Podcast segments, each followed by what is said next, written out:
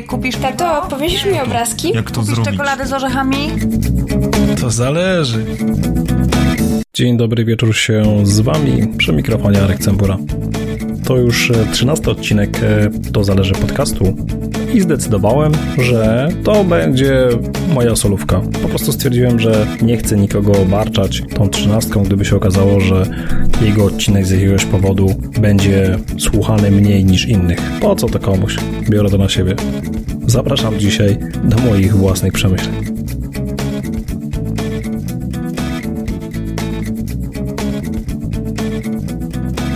Maciej Buś mówi, że to zależy, podcast jest podcastem nie na temat. Dokładnie tak. On jest podcastem nie na temat jeden, ale na tematów wiele. Tematy, jak widzicie, do tej pory były różne. Rozmawiałem ze swoimi gośćmi o triatlonie, o filozofii, o teatrze improwizowanym, o podróżach, o tym, jak to jest być Hindusem w Polsce, jak podróżuje się z dzieckiem, albo jak rzuca się wszystko i wyjeżdża się w Bieszczady. Stop, y, wyjeżdża się w świat z rodziną na cały rok. A przed nami jeszcze kolejne rozmowy w naszej przygotowalni, które właśnie się składają, montują, reżyserują. A naszło mnie, żeby dzisiaj podzielić się z Wami moimi takimi przemyśleniami. Pierwsze przemyślenie będzie o tym, że niektórzy, aby mieć mąkę, budują młyn. Drugie, o tym, jak często w naszym życiu występują misie i jeżeli. A trzecie, o tym, czy my właściwie dobrze się rozumiemy. By mieć mąkę, niektórzy budują młyn. Tak można byłoby podsumować zachowanie wielu firm, wielu ludzi. Często w swojej pracy miałem okazję spotykać się z potencjalnymi klientami, partnerami. Rozmawialiśmy o nowych projektach, o podejściu do tego projektu i po analizie całości często wychodziło, że brakuje nam jakiegoś elementu. Często okazywało się, że ten element można było dopisać. Taka najczęściej padała propozycja z zespołu, i tu wychodziło, że akceptacja była naturalna, jednogłośna. No, przecież napiszemy. Ale kiedyś podczas pewnego spotkania jeden z kolegów popatrzył na nas i właśnie powiedział: Słuchajcie, żeby mieć mąkę, nie musimy budować młynu. Lekko zmieszani, do tego wstrząśnięci. Chcieliśmy poprosić o jakieś piwo, ale najpierw poprosiliśmy, aby rozwinął tą z lekka rolniczą myśl. Rozwinął. Wytłumaczył, że przecież na rynku jest firma, nazwijmy ją X, która to, co potrzebujemy, robi. I robi to dobrze. I za przyzwoitą cenę. I mamy już gotowy, sprawdzony element. Po drugie, zauważył, nie wiadomo, czy jak napiszemy, to nam się to jeszcze przyda. Więc tak naprawdę może szkoda czasu na dopisanie. I dużo w tym prawdy, bo dzisiaj przy w miarę łatwym dostępie do nowych technologii dość często występuje taka właśnie postawa. Zbudujemy nasz młyn? Zbudujemy! To nic, że budowa tego młynu zajmie trochę czasu. To nic, że w trakcie tej budowy inne młyny zostaną zmodernizowane i będą jeszcze efektywniej produkować tą mąkę, że być może pojawią się nowe rozwiązania usprawniające mielenie ziarna. Zastanawiałem się, z czego może wynikać takie podejście ja sam, ja zrobię. Chyba po pierwsze z tego, że często my, ja, uważamy, że posiadamy wystarczającą wiedzę na temat tego, co jest nam potrzebne. I nikt inny tego nie wie, co jest nam potrzebne. I uważamy, że nikt inny tego nie rozumie i nie zrobi tego tak dobrze, jak my byśmy to zrobili. To nic, że my będziemy robili to dłużej. Pewnie drożej, ale będzie to nasze. Po drugie, i tu chyba jest to rzecz ważniejsza, nawet powinna być po pierwsze. Często jest tak, że nie chcemy dać zarobić komuś innemu. Wychodzimy z założenia, że lepiej zrobić to nawet na zerowej marży i po naszych kosztach, niż dać komuś zarobić. To nic, że byłoby to szybciej, z gwarancją, z serwisem. Nie, bo nie. Po trzecie, raczej już rzadkie, to ktoś ma plan na przyszłość i wie, że dana realizacja, aplikacja, system to nie jest jednorazowy strzał. To krok w stronę nowej pozycji na rynku. Lecz to, że zdarza się rzadko. Warto mieć na uwadze to wszystko, gdy następnym razem ktoś będzie namawiał Was na budowę młyna. Przeczytałem swego czasu wypowiedź dyrektora w dużej organizacji, który powiedział coś takiego. Nie ukrywam, że pierwszą myślą była chęć zrobienia tego samemu.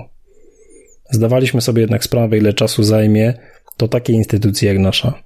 Musielibyśmy przebrnąć przez liczne analizy, komitety decyzyjne, zanim doszlibyśmy do etapu kodowania, gdy przed sobą mieliśmy już gotowe rozwiązanie. Szczere. Nawet bardzo. I wygląda, że tutaj zdroworozsądek wygrał. Czego Państwu i sobie życzę. Kiedy doświadczenie powoduje, że odpowiedź zaczynasz od. To zależy. Misie i jeżeli.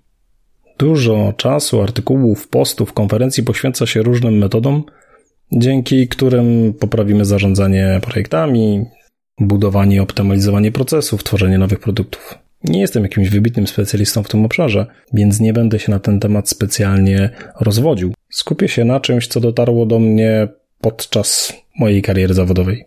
A właściwie podczas jednego pewnego spotkania, gdy jedna z osób trochę dowaliła drugiej, mówiąc: Bo ty to chcesz zrobić takie rozwiązania pod siebie. Jakoś automatycznie rzuciłem w obronie tejże drugiej osoby. Jobs też robił różne rzeczy pod siebie. Na moment sytuacja się rozładowała, zaczęły się jakieś żarty, zaczęliśmy się skupiać na przebłyskach geniuszu Jobsa, ale także na jego skór wobec ludzi, gdy chciał coś osiągnąć i parł do przodu prawie po trupach, zakrzywiając rzeczywistość. Mnie później do głowy przyszedł też e, Jeff Bezos, którego dążenie do doskonałości procesu obsługi klienta też nie jest pozbawione zagrań raczej ciemnej strony mocy. Polecam jednym kliknięciem historia Jeffa Bezosa i rosnącej potęgi Amazon.com Richarda Branta. W każdym razie olśniło mnie, że to, co wszystkich łączy, to misie i jeżeli to kluczowe postaci każdego procesu tworzenia, ale też destrukcji. Pojawiają się w sporach, dyskusjach. Niech każdy ze słuchających zrobi rachunek sumienia i pierwszy rzuci kamieniem, jeśli nie pracowały dla niej, dla niego kiedykolwiek misie i jeżeli gdy zaczynamy pracę nad czym, zaraz pojawia się pierwsze miś, czy też pierwsze misie. Misie wydaje, że albo od razu przybiegają jeżeli. Jeżeli zrobimy tak i tak, to. I na tym etapie wszystko jest dobrze. Mamy prawo wyrazić swoje opinie, mieć swoje misie, mieć swoje jeżeli, potrzeby, oczekiwania czy też obiekcje. Wszystko będzie dobrze do momentu, gdy nie skupimy się tylko na naszych misiach i na naszych jeżachli. I nie będziemy zauważać innych. Co więcej, nawet ich nie dopuścimy do siebie. No, chyba że mamy takie wewnętrzne przekonanie, że nasze są lepsze niż ich i zrobimy wszystko, aby one, te nasze, pojawiły się na pierwszym planie i wygrały. Bo albo są takie dobre, albo my jesteśmy tacy skuteczni i bezwzględni w egzekwowaniu naszych opinii i racji. Sukcesy. Tak wielkich ludzi w dużej mierze opierają się na tym, że potrafili przeforsować swoje misie i zwalczyć jeżeli innych, lub dzięki swoim dobrze przygotowanym i wyszkolonym jeżom Lee byli w stanie pokonać właśnie misie obcych. Ale historia zna też wiele przypadków, gdy misie i jeżeli były całkiem atrakcyjne, logiczne, tylko brakło im siły przebicia. To co ważne, to to, aby nie zamykać się na misie innych, dopuszczać jeżeli do wysłuchania, a jeżeli wydaje mi się, że mam rację, to dążyć do celu i wtedy w ich miejsce zatrudnić inne postaci. Zrobimy to i współpracujmy, czego wszystkim życzę. To zależy.